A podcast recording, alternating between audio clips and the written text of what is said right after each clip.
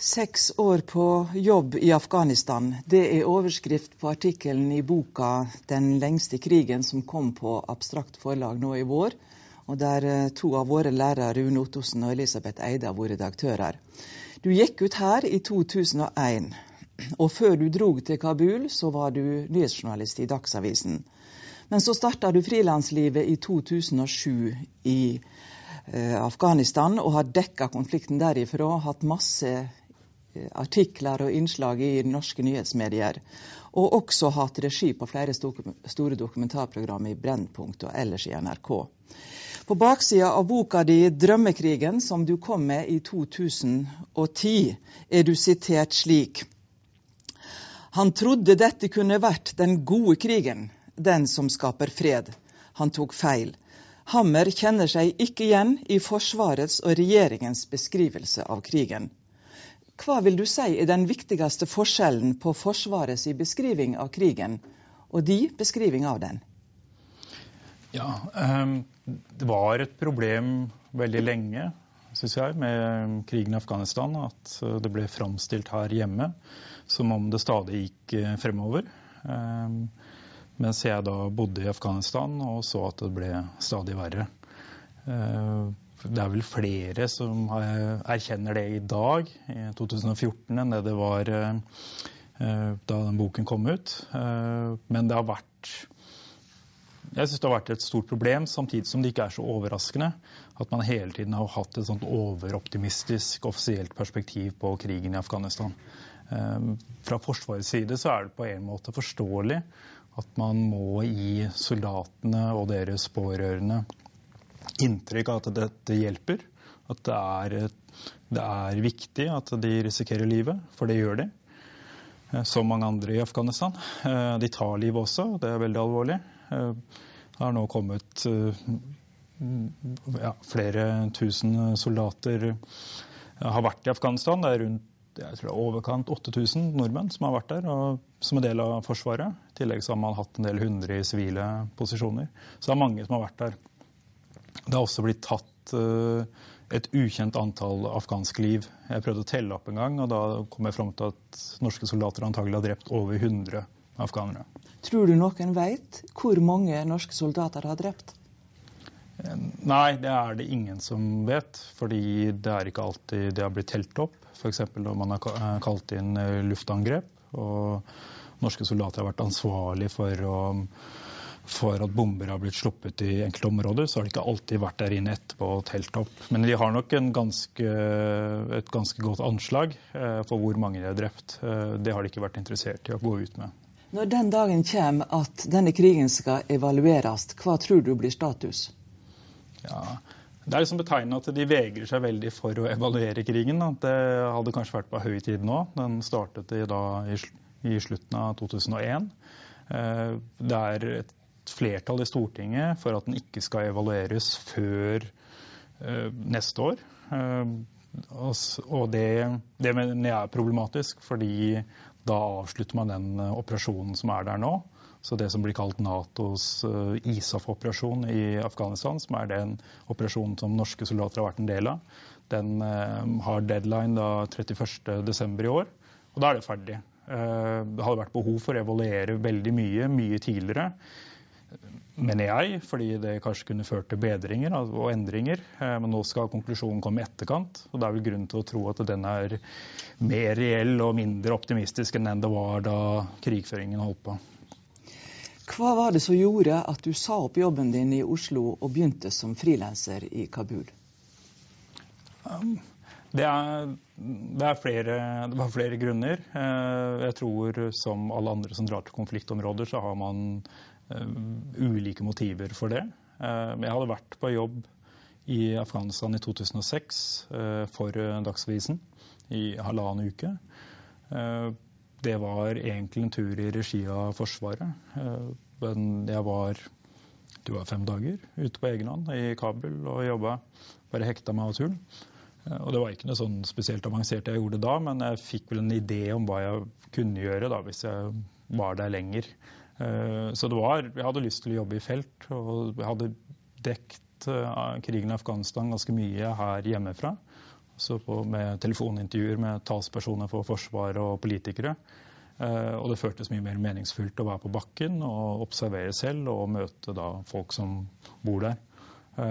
Så det var ja, hoved, hovedårsaken til at jeg flytta dit. Planen var jo ikke å bli der i så mange år som det har blitt, men uh, da jeg var i gang, så føltes det veldig meningsfullt. Og jeg savna overhodet ikke jobben jeg hadde før. Hvorfor gjorde du ikke det, tror du? Nei, fordi det her var nærmere den ideen jeg hadde om hva journalistikk skulle innebære. At du faktisk er ute og møter mennesker. Jeg syns uh, nyhetshverdagen i Oslo var veldig masete. Skrive saker på fem timer, stort sett gjøre telefonintervjuer. I veldig liten grad møte mennesker, i hvert fall bli, ikke bli kjent med dem. Fordi det alltid var uh, liksom masete situasjoner hvor man bare skulle få noen kjappe sitater og så komme tilbake igjen.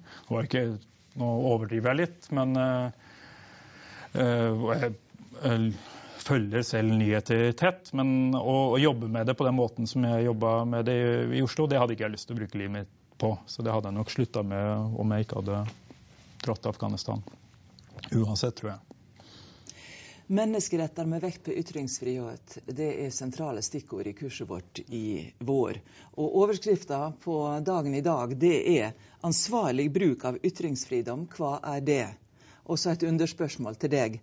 Hva er det når journalisten er på jobb i Afghanistan? Jeg tror jeg vil si det så enkelt at det er å få folk i tale og komme ut og snakke med mennesker eh, som lever der. Eh, ikke bare snakke med enkelte deler av konflikten eller eh, enkelt eh, si, elitekilder, eh, som man vel kaller det på studiet her. Eh, men komme ut og møte folk. Det er i hvert fall det jeg prioriterer. Eh, det er ikke så enkelt i Afghanistan som det er i en del andre steder, fordi det er farlig der. Så det er en ganske stor utfordring med logistikken og det å planlegge å komme seg ut i felt. Men det er det jeg prøver å, prøver å gjøre. Og det går på å komme seg ut og snakke med folk som er både de som er rammet av krigen, men også prøve å snakke med folk om hverdagslivet og gi bedre forståelse for hvordan det er i Afghanistan. Eh, det var veldig annerledes enn sånn jeg hadde forestilt meg. før jeg... På hvilken måte da? Nei, egentlig på alle måter. Det er eh, Afghanistan i Norge, som i andre vestlige land, har vært veldig farget av eh, at man har sendt soldater dit. Det er i veldig stor grad soldatenes versjon av krigen i Afghanistan vi har fått høre om. Altså hvordan det føles for dem å være der i en eh, kortere periode. Um, jeg mener det er interessant, men det er, en, det er bare en del av det som skjer der i Afghanistan. Og det er ikke det viktigste. Det er 30 millioner mennesker som bor der.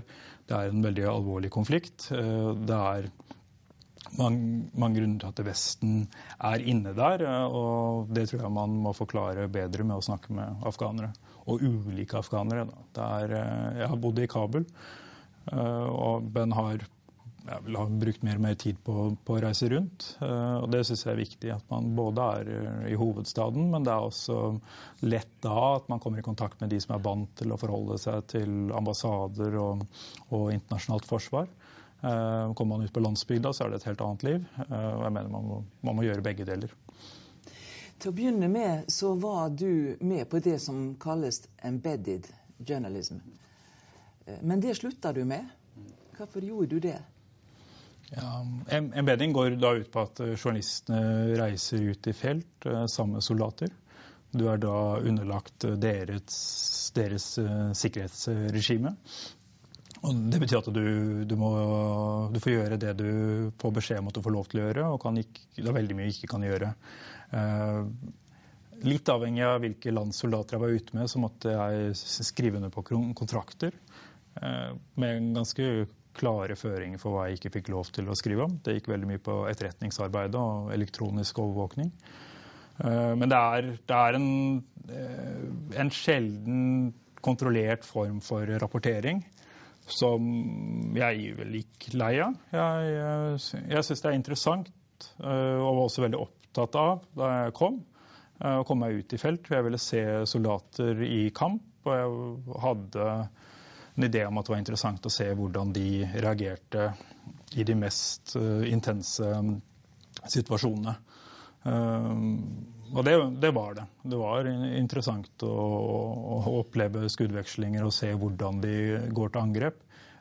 Men jeg fikk etter hvert veldig mye erfaring med det, og følte vel da at jeg ikke hadde en idé om hvordan jeg skulle formidle det på en interessant måte. Det ble veldig repeterende, som krig er når du er ute sammen med soldater. Så det var vel det jeg slutta med det, fordi jeg mente det var mye mer interessant å dra ut og dekke det sivile livet. Og det er enormt forskjellig fra den verden du får innsikt i når du reiser med soldater. Jeg hadde gjort det da innimellom disse soldatturene. Jeg tror jeg var på tre-fire måneder ute med soldater første halvåret. Da jula kom, så tenkte jeg at da, nå har jeg gjort dette. nå kan jeg begynne å reise på egen hånd og bare gjøre det. Og det har jeg på en måte fortsatt med, da. Det har du fortsatt med, og du skriver i uh, denne artikkelen som står på pensumlista vår, at du har vært ute på 15 i 15 situasjoner som du vil kalle at du har vært midt oppi det. Mm. Altså det, at det har vært farlig. Mm. Og så skriver du en del om hva denne situasjonen har gjort med deg. Mm. Eh, bruker du begrepet gribb. Mm. ja, du er ute i denne situasjonen, mm. og du sier at du etter hvert har begynt å tenke mye på hvordan du kan unngå å bli en gribb. Mm. Hva er det du mener med begrepet gribb? Hvorfor bruker du det uttrykket? Ja, det, er, eh, det er, et ganske kjent begrep eh, innenfor konfliktjournalistikken. Eh, hvor man hvor da snakker man om å at man er for for osseldyr som som profitterer på andres lidelse. Og den følelsen har jeg kjent på innimellom. Ikke minst fordi at veldig mange henvendelser jeg har fått fra redaksjonene, har vært når det har vært brutale angrep. Så det er mekanismen der hvor du vet at når noe dramatisk skjer, så er det da det også er størst interesse for, for stoff. Det var veldig markant i, i Afghanistan i de årene der eh, norske soldater var mest ute i kamp. Hver gang en norsk soldat ble skadd eller drept, så ble jeg ringt opp av nesten samtlige store norske redaksjoner, som ville da ha nærhet og skildring av, av sorgen. Eh, jeg er ikke overraska over at det er sånn, men hvis det på en måte skulle vært mitt levebrød, så ville det føltes veldig trist etter hvert. Eh, det er en del andre journalister og fotografer som som har fått en del problemer eh, med å gjøre det der over mange år. Og det, det tror jeg at jeg kanskje kunne fått også. Hva slags type problemer da? Nei, det, det går med, rett og slett på det moralske. At det føles umoralsk å, å, å, tjene penger og leve av at folk lider og folk blir skadd og drept. Altså det, jeg tenker at Det er ganske naturlig at det, det bør i hvert fall uh, røske litt i deg og få deg til å tenke. Hva gjorde du da for å unngå å komme i den situasjonen? Ja, det, det er jeg litt usikker på om jeg egentlig har noe klart svar på, for jeg har fortsatt å jobbe med konflikt. Det er det, det, er det jeg jobber med. Uh, men jeg har vel sett på som viktig å å komme meg ut. Eh, få reist så mye som mulig og møtt mange forskjellige mennesker. Eh, og, og skildre hverdagsliv og prøve å gå liksom dypere inn i hva som er årsakene til konfliktene og, og, problemer i Afghanistan. Nå kan det høres ut som jeg har et veldig negativt perspektiv på Afghanistan i det hele tatt. Eh, det er også også mange gode opplevelser i Afghanistan, noe som er grunnen til at jeg har vært der i så mange år. Men det er, det er, nå er det en veldig dramatisk situasjon. Eh, og jeg føler at, jeg, at det går an å dekke den eh, med å være ute tett på sivilbefolkningen, uten at jeg da føler meg som en gribb til hverdags. For det gjør jeg kanskje. altså. du sa nei til å være embedded, men du har også sagt nei til å være med ut på jobb i regi av disse NGO-ene, disse frivillige organisasjonene, hjelpeorganisasjonene. Hvorfor har du sagt nei til det? Er ikke det organisasjoner som har mange av de samme agendaer som du har som journalist? Jo, de vil i hvert fall presentere det sånn. Eh, jeg, mener det har vært et problem i Norge som i andre land at bistand har på en måte blitt hevet over um, uh, politikken. At man ikke ser på det som uh, utenrikspolitikk noe jeg mener det er i høyeste grad. Det er veldig mange politiske valg som blir tatt når man deler ut bistand. Jeg mener at man skal være kritisk til bistandsbransjen som man er til andre, alle andre felt man dekker. Det jeg først og fremst har sagt nei til, har vært å være med i NRKs TV-aksjon og TV 2, som har et tilsvarende innsamlingsprogram. Og det er fordi jeg mener at det ikke er journalistikk vi, jeg vil drive med. Det er, ser jeg på som en form for pengegenererende lidelsefortelling som jeg syns setter meg i en vanskelig situasjon som journalist. Elendighetsjournalistikk ja. snakker du om? ja, jeg, jeg syns det er det. Jeg syns det blir veldig sånn journalistikk som man skal prøve å og gi folk litt dårlig samvittighet, for at de da litt senere på dagen skal gi penger i bøssa. Og det har disse organisasjonene masse folk eh, som tar seg av selv i informasjonsavdelingene deres. Eh, de har ofte mye mer ressurser enn det jeg kjenner fra utenriksjournalistikken. Eh, så jeg tenker de kan holde på med sitt, og så kan vi holde på med vårt. Og så skal vi ikke blande for mye roller. Mm. Det var en sak som du har hatt med deg i det jeg har skrevet, i det jeg har sett at du har skrevet. Mm. En sak som du har, har, tatt fram flere ganger. Og eh, det er en sak som gjelder en afghansk mann som heter Kora. Fortell om den saken. Hva var det du gjorde der? Ja, det var uh, i 2009 så um, fikk jeg en telefon fra Dagbladet en søndag kveld. Uh, og da fortalte de at det hadde gått ut en pressemelding i Norge om at uh, norske soldater hadde skutt og drept en mann i Faryab-provinsen. Det er den provinsen der de norske soldatene var utplassert i sju år. De hadde ansvar for sikkerheten der på vegne av Nato. Uh, de den pressemeldingen var litt ullen. Det var litt vanskelig å forstå hvem denne mannen var. Og Dagbladet spurte om jeg kunne finne familien hans. Og det trodde jeg at jeg kunne gjøre, så dro jeg opp til Faryab. Eh, neste dag så kom det, altså i løpet av den kvelden og, og dagen etter, så kom det flere nyhetssaker der Forsvaret bl.a. sa at de kanskje, vi kanskje aldri ville få vite om dette hadde vært en opprør eller ikke. Eh, og det stussa jeg på, for det er rart om man ikke kan finne ut hvem en mann har vært i et samfunn Eh, som, som, det afghanske. Eh, du kan, hvis du finner den rette landsbyen, så vet uh, veldig mange veldig mye om hverandre. Uh, sånn som det er også i andre deler av verden. Så jeg tenkte at hvis jeg fikk lokalisert altså hjemstedet hans, så skulle det gå fint an å, og finne, få, komme i kontakt med folk som kjente han. Hvis det da ikke var for farlig der han kom fra. Det er enkelte deler av Faryab som jeg aldri har vært i. Har prøvd å komme, dra så mye ut som mulig, men det er enkelte deler som er sånn, totalt kontrollert av uh, Taliban. Hvor jeg nesten med 100 sikkerhet hadde blitt kidnappa hvis jeg bare hadde valsa inn på, ja, ut, uten noen forvarsel. Um, når jeg kom opp til um, Faryab, så begynte jeg å dra ut i felt og begynte å spørre folk om de hadde hørt om det her. Um, jeg prøvde samtidig å komme inn i den norske militærleiren der, altså hovedleiren i Maimane. Det fikk jeg ikke lov til uh, av hensyn til soldatene som hadde drept mannen.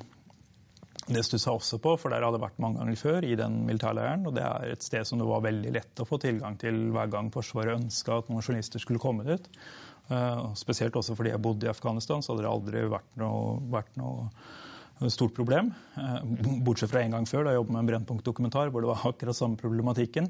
Eh, så det som ble ganske tydelig, er at eh, Forsvaret gir deg tilgang når de har, tror at det her blir en positiv sak for dem. Og så stenger de porten når de tror det blir en mer negativ vinkling, da, som de åpenbart trodde det her kunne medføre. Det var, ikke sånn, det var ikke noe enormt problem i det arbeidet med den saken der. Det tok vel tre dager før vi kunne bekrefte i Faryab at det her var på ingen måte en opprører. Det her var en godt kjent eh, redskapssliper. Så jobben hans var å kjøre rundt i provinsen og slipe jordbruksredskaper. Eh, og han hadde da av og til med sønnen bakpå motorsykkelen. Og han satt også bakpå da han ble skutt. Um, Karl Mohammed heter sønnen, ti år gammel, som mirakuløst nok overlevde bare med noen skrammer. Men faren døde. I forlengelse av historien, så Det som var viktig for familien, og det som også opptok folk i Faryab, bl.a. guvernøren, var at han sa klart og tydelig at den familien må få erstatning. Det var ikke Forsvaret positive til i utgangspunktet. Eh, for de mener at de ikke kunne gi erstatning fordi de ikke ville gi erstatning hvis det var en mann som hadde vært en opprører. Altså hvis det hadde vært en fiende av de norske soldatene. Og det ble ja, man, vi, vi, skrev saker hver dag da, for Dagbladet, hvor de også gjorde stopa her hjemme og, og intervjua politikere og andre.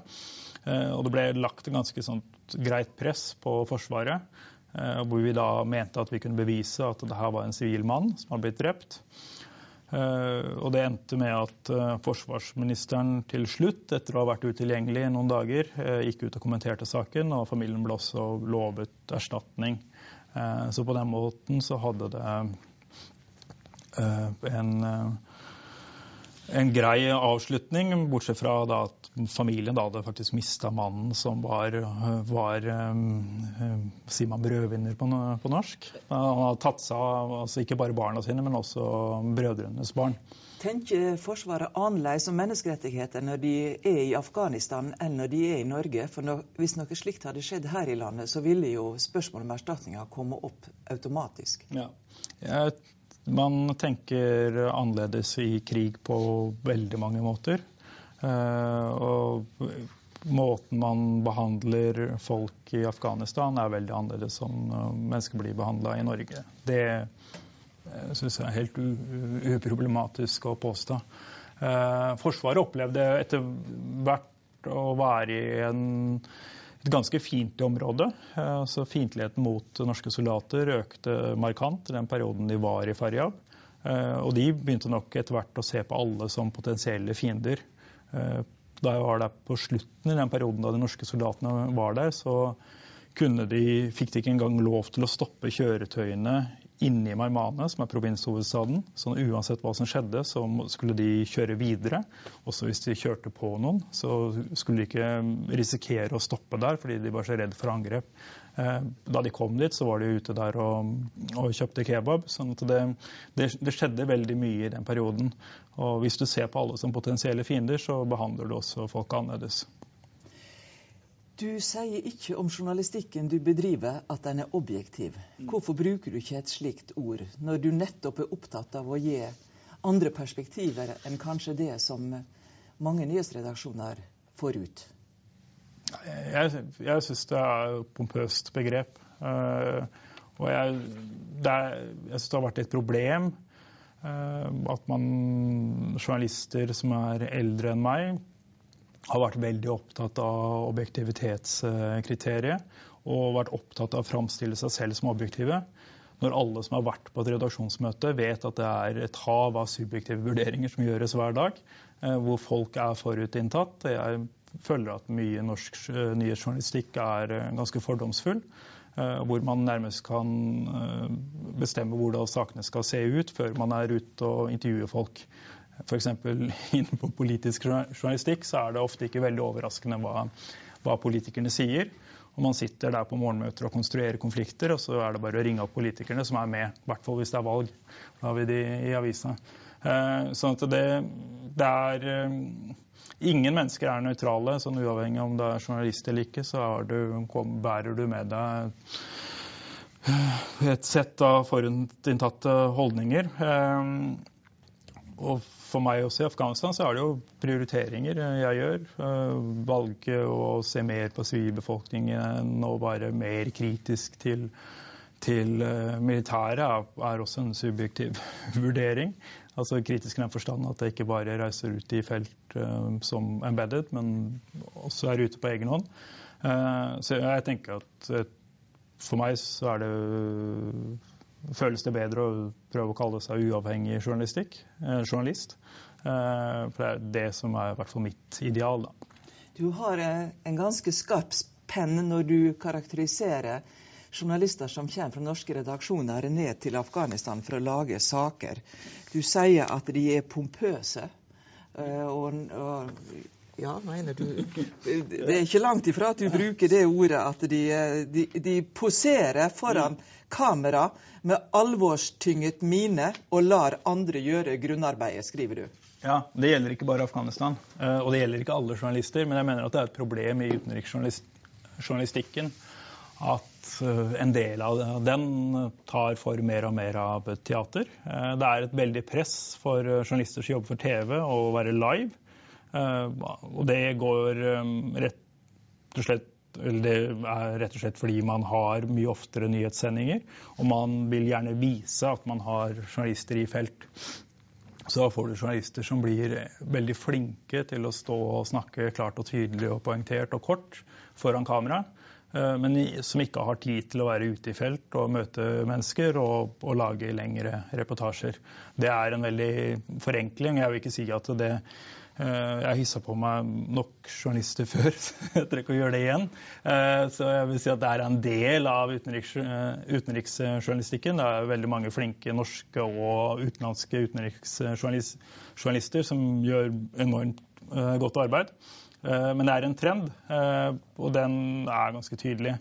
Og det ser du også når det er i felt, og det kan du se på nyhetssendingene egentlig hver dag. At når journalisten står på verandaen og liver fra et hotell, så er det ikke alltid at de har vært ute i gata eller vært ute på landsbygda og sett det de snakker om.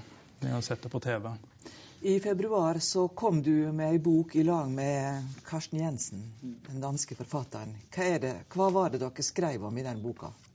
Ja, vi prøver å skrive om Afghanistan i dag. Vi har reist rundt i Afghanistan sammen og reist inn i noen av de mest urolige områdene og prøver å skildre hvordan tilstandene er nå, idet de utenlandske soldatene skal avslutte sin krig og forlate landet og overlate Afghanistan til seg selv. Det er også et historisk valg i april i år, da Karzai skal gå av som president. Han har sittet ved makten siden slutten av 2001. Hvis han går av, så blir det første gang i afghansk historie at en statsleder går av frivillig. Alle tidligere har enten blitt drept eller tvunget fra makten. Og man vet ikke helt hvem som kommer til å ta over. Det er ingen klare motkandidater, i hvert fall i dag. Det er mange presidentkandidater, men alle forventer i hvert fall at det kommer til å bli veldig urolig. Hva tenker dere som er der nede fast fra de ulike landene, når dere tenker om framtida for Afghanistan? Hva tror du kommer til å skje? Ja, vi skriver en del om det i boka. og Jeg mener at vi har sett den utviklingen ganske klart de siste årene. Det er krigsherrer som tar makten. De har hatt det litt vanskelig i perioden der de utenlandske soldatene har vært der. På det meste så har det vært 150 000 utenlandske soldater med enormt mye bedre våpen enn mange av krigsherrene i Afghanistan. Så de har hatt veldig mye makt, altså utlendingene. Men når de forlater områder, så er det krigsherrene som tar over. Det skal også sies at mange av krigsherrene har samarbeida med utlendingene. Men det skjer en sånn enorm maktforskyvning nå idet utlendingene forsvinner. Der krigsherrer da vil kjempe mot hverandre om, om landområder. Og det, Der tror jeg Afghanistan er allerede langt på vei med at man får mange lokale konflikter nå mellom ulike krigsherrer. Sju år eh, snart har du vært i Afghanistan, iallfall seks-sju år. Ville du gjort om igjen, det valget du gjorde i 2007? Ja, det vil jeg. Jeg har aldri angra på at jeg flytta dit.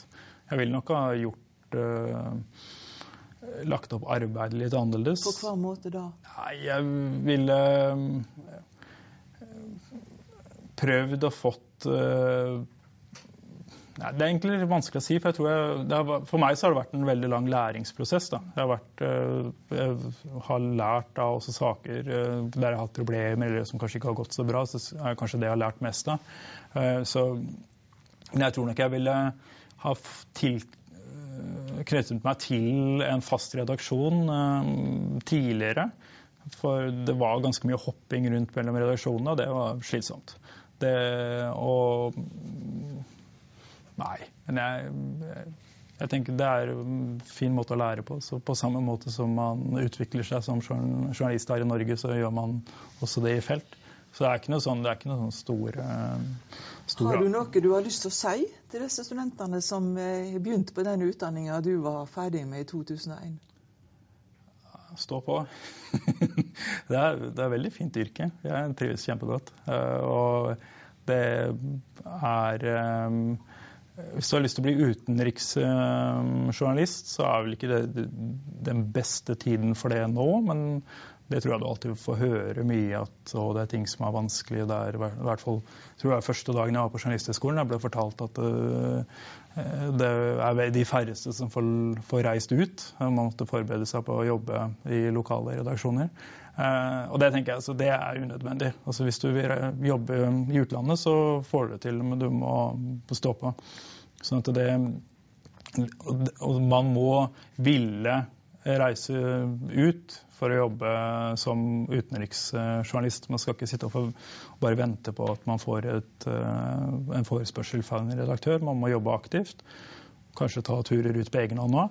Jeg tror ikke jeg vil komme med sånn kjempeoppfordring om å bli frilanser i konfliktområdet, for det er en jævlig masete stilling.